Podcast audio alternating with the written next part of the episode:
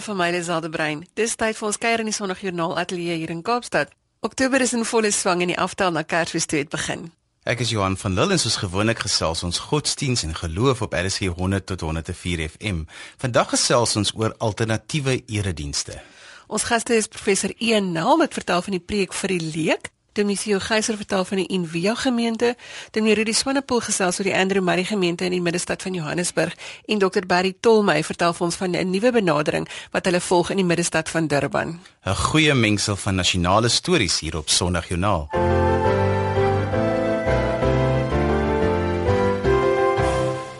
As er 'n nou ding is wat sosiale netwerke aan die brand het, dan is dit kerk toe gaan. Almal het 'n mening oor hoe dit gedoen moet word. So vanoggend gesels ons oor die alternatiewe eredienste en professor Ian Nel van die Stellenbosch Universiteit is eerste aan die beurt. Goeiemôre Ian. Goeiemôre Lisel. Ian, jy fasiliteer 'n projek van die fakulteit teologie saam met gemeentes in Stellenbosch en jy noem dit die preek van die leek. Waar kom die idee vandaan? Ja, baie dankie vir die geleentheid om 'n bietjie daaroor te gesels, uh, Lisel. Die idee van die preek van die leek kom oorspronklik uit Nederland. Ehm um, dit is 'n wonderlike inisiatief waar leuke genooi word om te preek. Uh en die kerk wil van hulle leer en gesprekke oopmaak. Um ek self was bevoorreg uh dat ek so 2 jaar gelede in November van 2012 vir 'n ander konferensie in Amsterdam was en 'n uh, kollega van my uh van die Vrye Universiteit het my genooi om een van hierdie geleenthede by te woon en die betrokke geleentheid uh, was dit die burgemeester van Amsterdam Lodewyk Asher wat toevallig vandag 'n uh, president in hulle kabinet is wat toe gepreek het. En dit was vir my fascinerend om na hom te luister as 'n persoon met 'n bepaalde invloed binne in Amsterdam hoe dat hy gepraat het oor geregtigheid hoe dat hy gepraat het oor mense wat gemarginaliseer is binne in hulle stad en hoe dat hy dit aan 'n Bybelteks gekoppel het. Uh, die interessante is dat hy self van Joodse agtergrond was uh, dis nie 'n Christen nie maar maar hoe dat hy ook vanuit sy Joodse tradisie hier oorgesels en toe ek dit geluister het en dit bygewoon het uh het ek teruggekom na Suid-Afrika en ek het met 'n klompie kollegas gepraat en gesê maar hoekom begin ons dit nie in Suid-Afrika nie? Want ek dink uh dit is vir my baie interessante inisiatief. Um omdat ek dink dit is inderdaad so dat die uh, kerk het 'n boodskap vir die wêreld maar dat die wêreld ook 'n boodskap het vir die kerk en dat ons in 'n tyd leef waar dit nie noodwendig altyd die predikant is wat uh, al die seggenskap het en al die kennis en insig het uh, oor baie van hierdie onderwerpe nie. Hierdie rol en invloed word vandag dikwels deur skrywers en komediante, joernaliste, politici, wetenskaplikes oorgeneem veral wanneer dit ek dink kom by uh, die skep van 'n profetiese bewussyn oor brandende kwessies in die samelewing. Daar mense wat wat op die gebiede um, goed ingegrawe is en weet wat aangaan. As ek jou reg verstaan, dan gaan die projek dus oor gewone mense en met gewone mense bedoel ek nie predikante en pastore nie, wat dan op die kansel staan en wat hulle bepaalde siening vir jou gee. Absoluut. Ehm um, daar is natuurlik 'n proses uh, gekoppel nadat ons die mense gekies het. Jy weet op grond van hulle oortuigings, hulle deelname aan openbare diskoerse en dan ook hulle 'n profetiese deelname daaraan mense wat ons voel wat nie bang is om te sê hoe hulle voel oor 'n bepaalde saak nie. Knoop ons 'n gesprek aan en en die gesprek begin gewoonlik as so 'n bietjie van 'n afrigting met ander woorde betrokke. Uh, wat is dit waaroor hulle sterk voel op die oomblik en en dan in opvolgende gesprekke uh, probeer ons dan saam met hulle dit koppel aan 'n bepaalde Bybelteks en te sê maar goed, tree 'n bietjie met hierdie teks in gesprek en en sê vir ons, jy weet, as jy sê maar oor sosiale geregtigheid sterk voel, uh, hoe help hierdie teks jou om daaroor te reflekteer? En kom ons uh, gebruik dan die kansel daarvoor om om 'n bietjie daarna te luister. Ja, ons is 'n bietjie kan stil staan by die mense wat jy nooi. Uh, ek het raak gelees in 'n dokument het jy gesê uh, dat daar 'n hele klomp ongeloof binne in die kerk te vind is, terwyl daar dikwels ook baie geloof buite die kerk aangetref word. Ja, dis 'n interessante is maar ook 'n stelling om so 'n bietjie mense net aan die aan die ding te sit want dit herinner my aan 'n aan 'n Joodse filosoof met die naam Levinas uh, wat by geleentheid gesê het vir hom het geloof min te maak met die bestaan op die nie bestaan van God.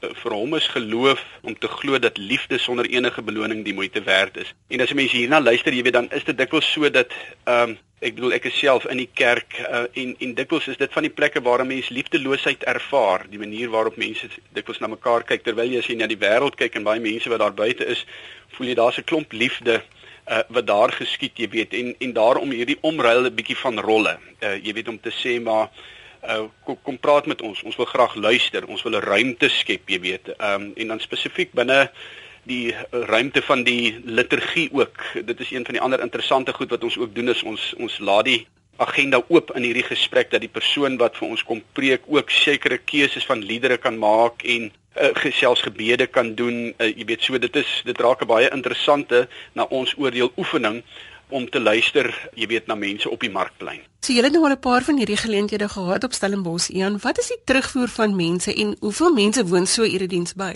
Ons het agtergekom ons is nou nie die beste bemarkers nie. So ek wil amper sê hierdie onderhoud met jou is een van die eerste geleenthede om dit waarskynlik 'n bietjie weier te bemark. Maar ons ons ondervinding was toe tussen 80, partykeer was daar oor 100 mense, maar die interessante was dat daar ek sou amper sê 50% van die mense was mense wat op 'n gereelde basis gekom het, maar dan was so 50% van die mense telkens persone wat die prediker of die leuke prediker dan jy weet op 'n manier geken het of gehoor het daarvan. So uh, uh, dit het nie gebly net met ander woorde by 80 of 100 mense nie. Ek dink in totaal jy weet in die loop van die maand jy weet dis daar by tussen 2 en 300 verskillende mense wat uh, op 'n stadium besoek afgelê het en die en die dienste bygewoon het. Sommige van hierdie mense het nogal geweldige goed op die sosiale netwerke gesê oor die kerk. So dit gaan nie eintlik hier oor oor die kerk as 'n instansie nie. Dit gaan suiwer oor hoe mense hulle geloof ervaar. Ja, nee, ek ek sal ek sal nie sê dis een of die ander nie. Die feit dat ons dit in 'n kerkdiens hou, uh, beteken dat vir almal van ons wat by die projek betrokke is, is die kerk belangrik. Uh, jy weet, ek dink ons probeer soos wat jy uh, aanvanklik gesê het, 'n bietjie kyk ook na alternatiewe uh jy weet na na maniere waarop mense ook weer op nuwe maniere kan kyk na die kerk en en kan sien maar die kerk skep ruimte vir alternatiewe stemme vir mense wat uh jy weet kennis het ook op ander gebiede en wat uh, alles met die evangelie te maak het. Jy weet so dit is nie uh, dat dit teen die kerk gaan of of geloof teenoor of ongeloof teenoor die kerk nie. Dit gaan vir my oor ruimtes wat geskep word vir mense wat nie normaalweg toegelaat word en en, en na wie se stemme ek dink ons behoort te luister veral in 'n samelewing soos uh, Suid-Afrika met geweldige sosio-maatskaplike probleme jy weet en dikwels um, mis ons hierdie kundigheid jy weet ons as predikante preek maklik en praat maklik oor baie dinge maar maar oor baie van hierdie goed is ons nie werklik goed genoeg ingelig om om met gesag daaroor te praat nie jy weet en, en baie van hierdie onderwerpe trouens al hierdie onderwerpe dink ek het alles met die evangelie en ook met die kerk te maak die mense wat hierdie ding moet hoor, dink jy hierdie boodskap gaan by hulle uitkom of kom by hulle uit? Ja, dit is moeilik om te sê. Uh, ek ek bedoel ons het terugvoer gehad van mense wat jy weet vir ons gesê het, um, by meer as een geleentheid, dis die eerste keer in 10 jaar wat ek in die kerk kom, jy weet, of um, ek is so bly, jy weet, ek het weer die geleentheid gehad om uh, na 'n orgel te kon luister en liedere te sing wat uit my kinderdae uitkom, jy weet, wat op 'n manier ook afstand geneem het van geloof of wat ook al, maar wat uh, geïnteresseerd was in die onderwerp of of die persoon wat gepreek het. Sê vir ons, wie het julle gehad wat gepreek het? Ons het nou hierdie jare reeks gehad uh, van 4 geleenthede en verlede jaar het ons 5 geleenthede gehad. By gelede, verlede jaar was dit Amanda Gous wat 'n professor is in politieke wetenskap hier by Stellenbosch Universiteit gereeld op die radio en dan 'n wynmaker Beyer Streeter um, wat 'n baie interessante verhaal vertel het. Ons het vir Rhoda Kadali gehad van die Impumelelo Social Innovation Center wat ook 'n bekende politieke aktivis is. Ons het vir Chris van der Merwe gehad wat die eh, CEO is van Kiro Privaat Skole wat 'n bietjie oor die onderwys gepraat het en dan het ons ook vir Konrad Sidego gehad wat die burgemeester is van Stellenbosch. En hierdie jaar uh, het ons weer vir 'n klompie ander persone genooi vir Jannie Durant wat die uitvoerende hoof van Rengrow is. Ons het vir Martelies Brink uh, bekende omroeper by RSG. Ons het vir John Oosthuizen, 'n joernalis en 'n voormalige nuusredakteur van die Kerkbode gehad, uh, en dan vir professor Louise de Tooy van die uh, departement filosofie by die Universiteit van Stellenbosch. En elkeen van hulle het uh, het fascinerende temas aangespreek. Uh, telkens kon jy sien hulle was kenners op die gebied waarop hulle gepraat het, jy weet, en en was in daai sin dan ook baie lekker om na te luister. Ja, ek praat nou die dag met iemand, 'n dominee wat vir my sê die mense in sy kerk het nie eintlik eers 'n idee wat die Bellaar belydenis is nie. Hulle stel net eenvoudig nie daarin belang nie. Hulle is daar om die evangelie te hoor. Dink jy hierdie tipe reekse gaan ons bring by die goed wat regtig egtig saak maak? Ek hoop so. Dit is 'n beskeie manier, uh, uh, jy weet, om uh, aan hierdie diskourse deel te neem en en mense bewus te maak, jy weet, van die groter sake uh, in ons land wat verband hou met eenheid, uh, met versoening, uh, met geregtigheid. En en ek dink net, jy weet, soos dit met baie van die goed uh, in in die lewe gaan, hoe meer mense dit hoor, um, hoe, hoe meer hulle uh, die die diskourse hoor, die taal wat gebruik word, hoekom dit belangrik is om oor hierdie onderwerpe te praat en te sien dat dit direk met die evangelie te maak het, dat die evangelie alles met die markplein te maak het met die openbare lewe, hoe ons saamleef, ons sosiale kohesie, versoening tussen mense. Uh, hoe meer raak hulle gewone aan dat ehm uh, jy weet dit dit is wat ons veronderstel is om oor te praat binne in kerke, binne in geloofsgemeenskappe omdat ons 'n geweldige invloed kan uitoefen uh, in ons land as ons as ons hierdie uh, gesprekke ernstig opneem. Jan baie dankie. Dit was baie lekker dat jy vanoggend saam met ons gekuier het. Johan het 'n bietjie vroeër ook by Martelies gaan inloer om te hoor hoe sy dit ervaar het om dan wel haar preek te lewer. Uitstekend. Ek sal graag daarna wil luister. Martelies, vertel vir ons hoe dit gekom dat jy deel was van die projek. Hulle het net vir my uit die bloute e-pos gestuur gesê asseblief wil jy nie 'n preek van 'n leek kom lewer nie. Ek was bietjie bekommerd geweest want toe sê hulle nou jy moet die hele preek lei. So en nou dink ek aan al die formuliere en sake toe sê hulle nee, dis bietjie meer informeel in die aand. So dit was uh, maar net uit die bloute vir my gekontak en gesê wat dink ek en ek sê nie sommer nee vir 'n ding nie. So dit gesien is 'n lekker uitdaging om voor mense te gaan staan en van daai perspektief af ook te praat. Dit vertel ons van die ervaring self. Jy kom ook uit 'n pastorie uit, so ons het 'n anderste belewenis van kerk en daar moes jy toe 'n preek lei. Ja, ek moet sê ek het gelukkig die preekstoel vir my. Ek het onder die preekstoel gestaan. Uh daarbo dink ek uh hoort mense wat meer ordentlik is as ek as ek dit so kan stel. Maar um, dit was 'n heerlike ervaring geweest. Ek het maar van my persoonlike perspektief af gepraat. Dis eintlik al wat 'n mens kan doen.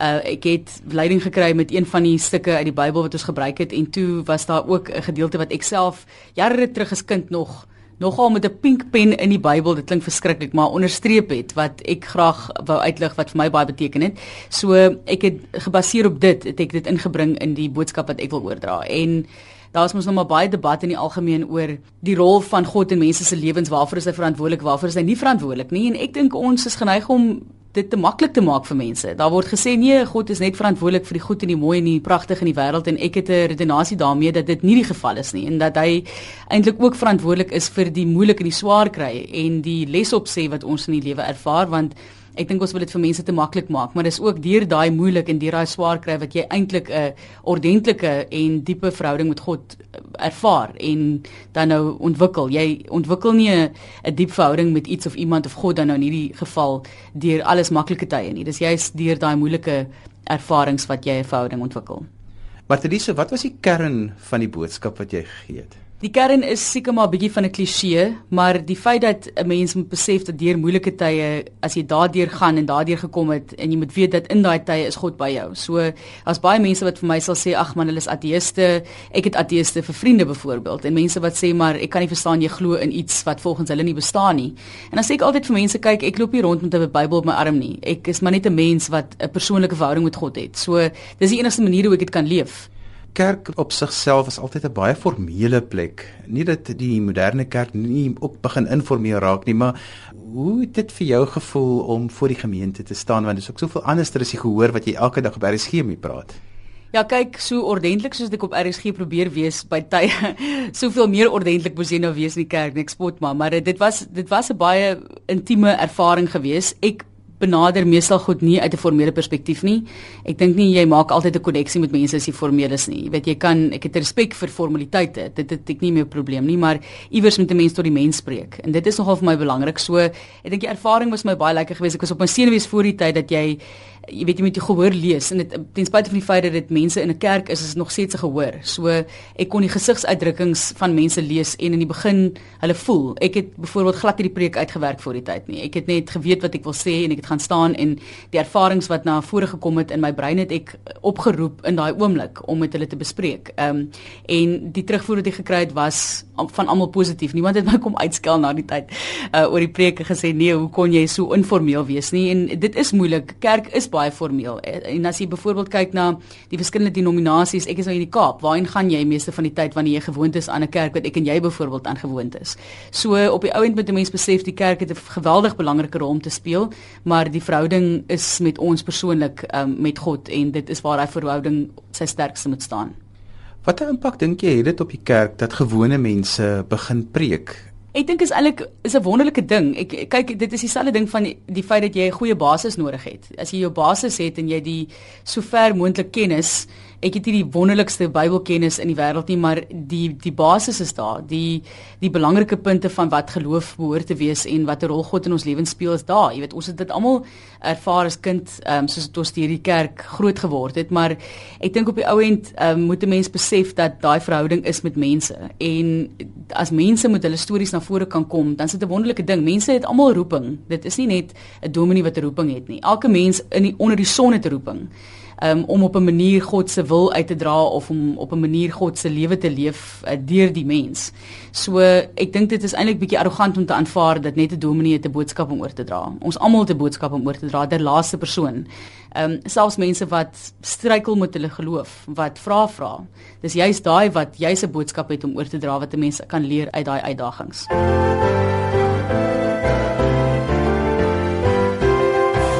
Nog iemand wat dinge anders doen is Demetrio Geyser van die NVA gemeente. Goeiemôre Theo.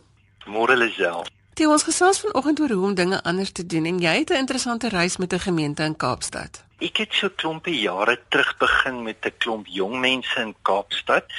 En ja, ons noem onsself NVA en dit beteken op pad en dis seker die beste beskrywing van die gemeente dat ons op pad is.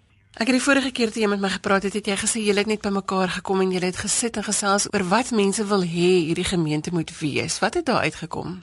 Sesel, miskien moet ek 'n aanloop gee oor hoe dit begin het. Um, ek het in 'n gemeente baie stemme gehoor van jong mense wat my laat staan dat die gemeente is wonderlik, maar hulle sal nooit hulle vriende soontoe kan nooi nie. En toe vra ek nou vir hulle, maar hoekom sê hulle nooit hulle vriende kan nooi nie? Toe sê hulle vir my sommer jy te godsdienstig is. Nou kyk Lisel, dit was nou vir my skok want ek het nou regtig gedink dat ons liturgie en dat ons gemeente is soort van soos ons nou sal sê cutting edge. Ek bedoel ons sing YouTube in die kerk en ons het mooi ligte. En toe vra ek nou vir hulle maar kan ek met hierdie jong mense gesels wat nie sal kom nie. En ek het vir 'n klompie maande met hulle gekuier. Daar het ek bewus geword dat daar dalk 'n nuwe stem is of 'n nuwe manier van dink. Na lange gesprekke het ons te besluit, goed, kom ons doen 'n eksperiment en ons nooi 'n klomp mense wat eintlik buite die kerk is om net te praat oor, jy weet, wie is die Here en hoe ervaar hulle die Here? En eintlik so is die gemeente toe gebore. Maar nou wat baie interessant was, na so 'n jaar het 83% van die mense wat gekom het en daar was so 100 gesê maar hulle voorkeur spiritualiteit en hoe hulle verkies om met God om te gaan is deur stilte. En wat ook interessant was 90% van die jong mense wat toe nou begin kom met kerk toe sê ook dat hulle soek nie meer spiritualiteit in die kerk nie maar buite die kerk. So Lisel, ons reis op die oomblik probeer nou woorde te vind, maar presies wat is dit, jy weet, en hoe werk stilte en wat is 'n sinvolle liturgie? So waar is die proses nou? Wat is julle verstaan van stilte in die teologie op hierdie oomblik? As 'n mens nou praat van liturgie, net dit kyk die woord beteken letterlik the work of the people. En ons probeer verstaan maar hoe sal dit lyk as dit wat in 'n erediens gebeur, die bydra van mense is. Kyk, dis moeilik. Die werk van die mense is gewoonlik gesetel in 'n paar professionele kunstenaars, jy weet, of iemand wat die blomme rangskik, maar dis eintlik baie ekstern en word deur 'n paar mense gedoen. Jy weet, so wat ons probeer verstaan is hoe gaan dit lyk as die gemeente wat daar is, die liturgie skep? Nou, hoe ek dit probeer verstaan op die oomblik, jy weet, as 'n mens nou sê maar goed, ons is bymekaar as 'n gemeenskap van gelowiges, dan moet 'n mens seker vra maar wat is die doel? En as die doel is dat dit wat binne in ons is, die beeld van God, As ons bestaan en as ons by einkoms bestaan om die beeld van God of 'n makliker woord jou ware self na vore te bring, hoe sal dit wees? En wat moet jy dan doen dat dit kan gebeur? Nou as 'n mens aanneem dat daar iets is soos die beeld van God of die ware self, dan dan moet 'n mens ook seker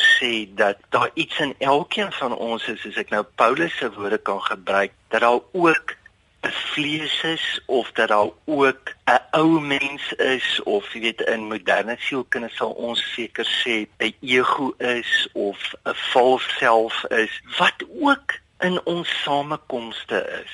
So die vraag gaan wees hoe help ons mekaar om te kan kom by wie ons werklik is?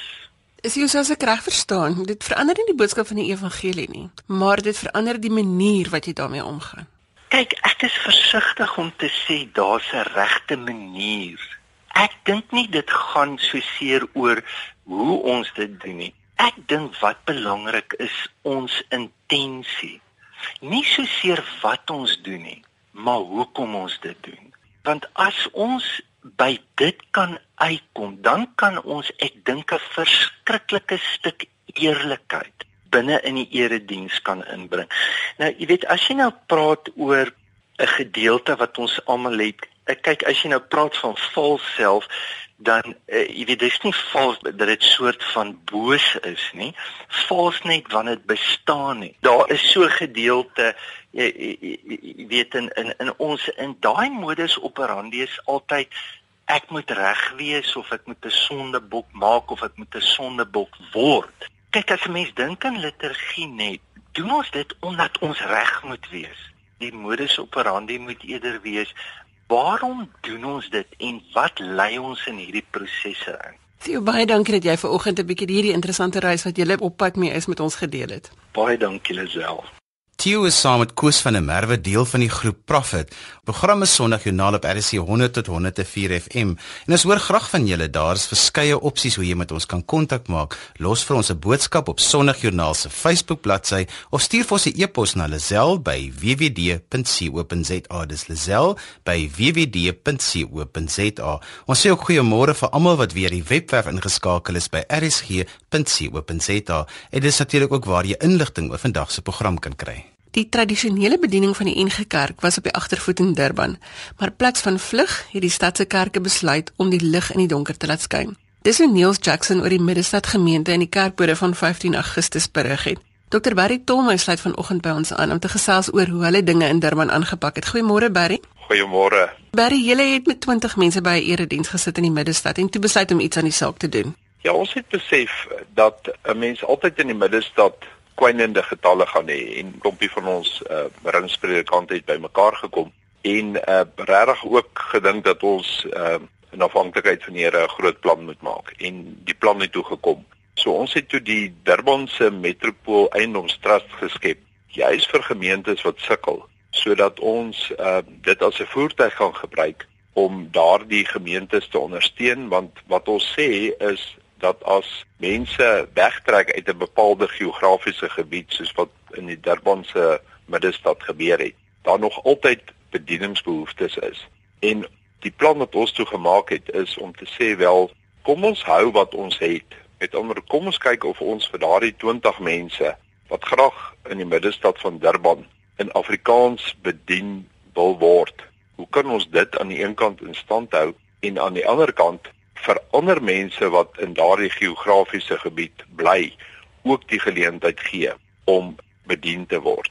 So dit het toe gelei dat ons ehm um, eintlik met die Durbanse metropool met leiding van uh, eh, Dr. Henny Kombrink wat groot werk gedoen het oor baie jare al 15 jaar daar in die middestad bedien.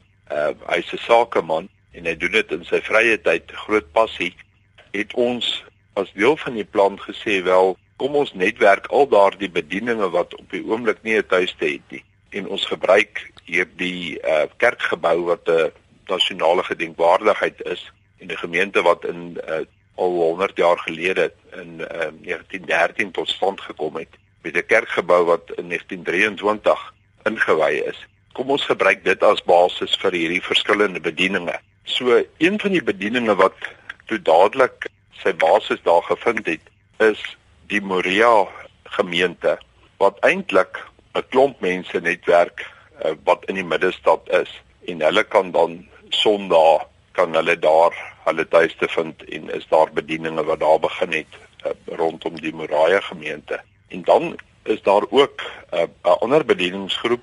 Dit is His Hands Ministries met uh, pastoor Leon van Assenwerp wat daar bedien en ons kon met anderwoorde die geleentheid kry om uh, Leon en daardie bediening ook te omarm vanuit uh, hierdie kerkgebou So in ander woorde Barry as ek reg verstaan, dan is dit 'n klomp gelowiges van verskillende denominasies wat by hierdie een kerk nou op verskillende tye hulle hulle eredienste kan hou. Ja, die dilemma wat ons gehad het is dat hierdie kerk eintlik 'n wit olifant was.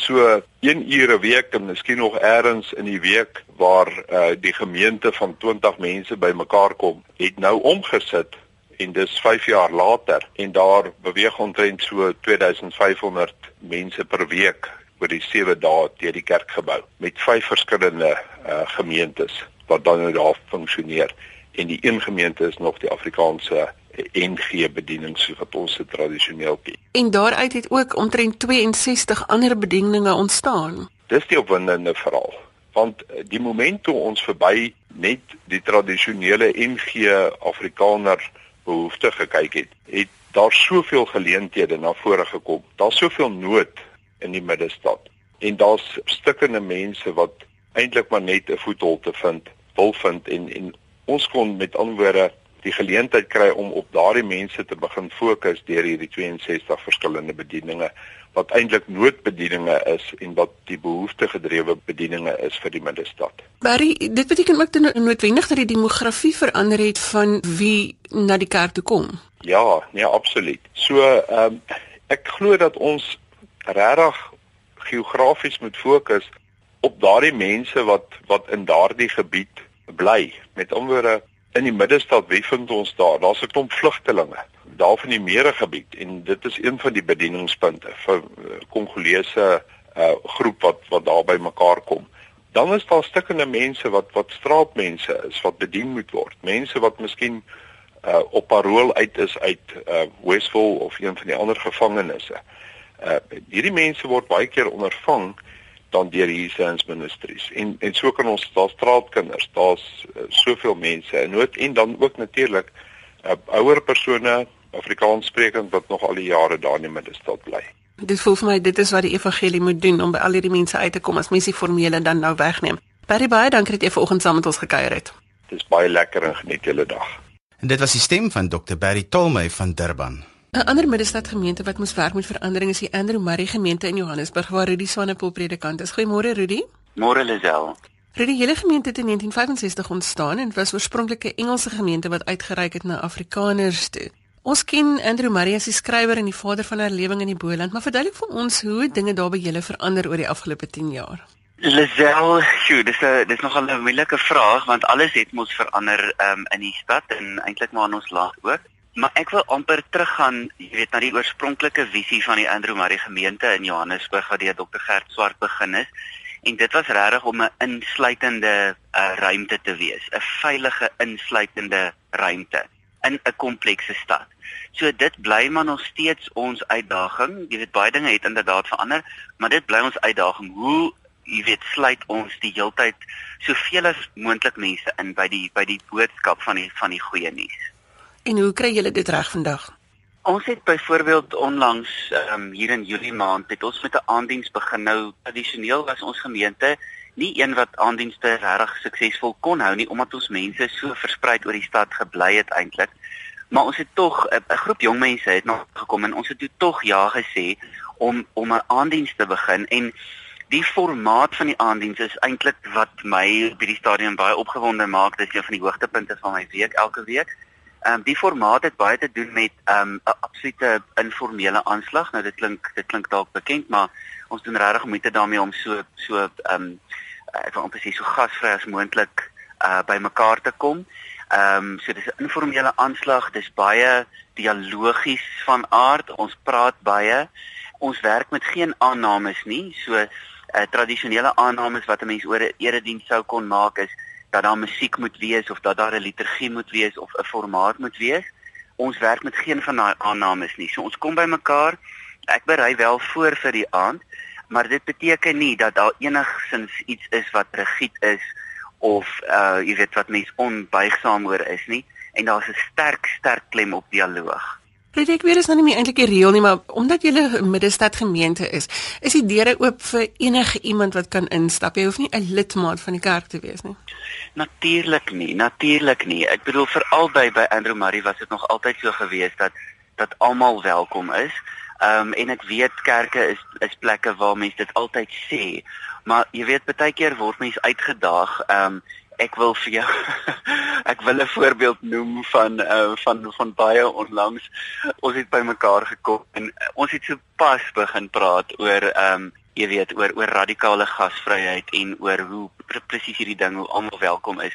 Toe daar iemand instap wat duidelik nie van 'n voorstedelike tipe profiel afkomstig is nie. En op daai oomblik word jy uitgedaag om om amper te doen wat jy gesê het jy is of jy gaan doen. Dis regtig so en daarom is die diversiteit vir ons belangrik. Ehm um, so as daar byvoorbeeld iemand in die diens instap wat wat amper die die samekoms in aanhalingstekens ontwrig, dan moet 'n mens ook uh, uh, jy weet gasvry en ek wil amper sê nederig genoeg wees om te sê maar dit gaan nie noodwendig oor ons samekoms of ons teaching amper op hierdie punt nie. Kom ons skuif die aandag, jy weet, na hierdie ander persoon toe. Nou ek miskien laat ek dit maklik klink, maar dis nie die motief nie, dis baie moeilik om dit te doen. En dit bied unieke uitdagings, maar in dit is daar ook 'n stukkie egtheid amper, want dit is reël. Mens kan nie net 'n kliniese byeenkoms hê waar almal dieselfde lyk like, dieselfde praat en half hulle lidmaatskap in aanhalingstekens verdien nie. Jy moet dink ek kan cope amper met met 'n verskriklike radikale uitdaging ook. Rudy, hoe lyk die samestelling van julle gemeente? As ek oor van die oggenddiens praat, dan is daar op 'n op 'n goeie Sondag getalle maak nie soveel saak nie, maar daar's kom ek sê vir jou so, daar's 'n baie lekker aantal mense bymekaar en ek kan met dankbaarheid sê dat daar's 'n baie goeie ouderdomsverspreiding. So daar is regtig van van ons heel bejaarde mense wat hier by die 90 en oor die 90 is en dan is daar 'n wonderlike wonderlike groep kinders ook wat in kinderkerk en in kinderaktiwiteite en sulke goed jy weet bedien word. So daar's regtig 'n baie goeie en ek wil amper sê 'n bevredigende ouderdomsverspreiding. Die aanddiens is so klein bietjie meer jong mens gerig, maar ons uh, dink op ons voete en ons het ook onlangs vir mekaar gesê die jong mense by die aanddiens het gesê ons kan nie net 'n homogene groep wees nie. Ons het ook ander ouderdomsgroepe daar nodig. So ons probeer so, ons probeer ons bes om um, insluitend op wat dit aanbetref te wees. Hoe maklik is dit vir jou as predikant om aan te pas by so 'n veranderende omgewing? Die boodskap is die boodskap, maar moet jy die manier waarop jy dit aanbied verander? Verseker, ek dink regtig mens moet jou aanbieding verander en ek dink dit beteken dat 'n mens baie baie invoeling moet wees met mense se leefwêreld en dit verskil natuurlik van plek tot plek van stad na stad van voorstad na voorstad van dorp na dorp maar ek glo dat mens kan reageer op op jou konteks. So jou konteks sê vir jou die volgende het verander en dan vra jy weer terug jy weet ek wil amper sê jy, jy vra 'n roepingsvraag terug na die kern toe. Waarvoor roep die Here ons nou? En dan glo ek mens pas by dit aan. Mense dink dat om relevant te wees beteken jy moet nou, jy weet op 'n sekere manier aantrek of 'n sekere manier praat of so.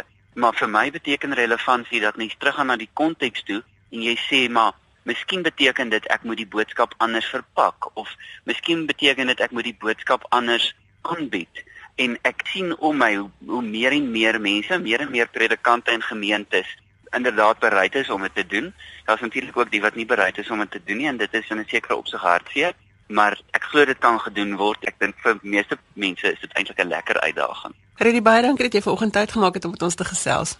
Groot plesier, is 'n voorreg. Dankie Lisel. Janie, jy het vandag die laaste woord oor alternatiewe eredienste. As daar een ding is wat mense se potensiaal beperk, is dit die grense wat ons vir onsself stel omdat ons dink ons kry iets nie reg nie of gaan iets nie reg kry nie, begin ons dit glo en die uiteinde is dat ons dit in elk geval dan nie reg kry nie. En dit vorm jou grens. Wat ons nodig het is verbeeldingryke geloof wat grense verskuif. Ons land het dit nodig, ons mense het dit nodig. Geloof wat grense verskuif ontsluit nuwe kreatiwiteit. Dit help jou om nuwe drome te droom en dit bring nuwe hoop vir al die mense. Die Bybel is vol sulke voorbeelde. In Hebreërs 11 sien ons byvoorbeeld dat Abel geglo het en God het sy offer aangeneem. Ons sien die grense van mense God wat oopgemaak deur hierdie geloof. Noag het geglo en daarom het hy God gehoorsaam en is 'n nuwe lewe vir hom en sy mense. So daar's 'n nuwe toekoms wat oopgaan net omdat daardie grens uh, oopgegaan het. Geloof skuif grense, want jy weet die geheim is, grensverskuivende geloof weet God kan. En daarmee het tyd geword om te groet. Vir meer inligting oor vandag se program gaan sluit aan by Sondagjoernaal se Facebookblad. Jy kan ook na die potgooi gaan luister by rsg.co.za. Tot volgende Sondag vir my Liselde Brein. Totsiens. En daarmee groet ek ook namens produksieregisseur Neil Roo agter die kontroles en van my Johan van Lille tot later vanmiddag wanneer ons weer die matriek help met rekeningkunde. Totsiens.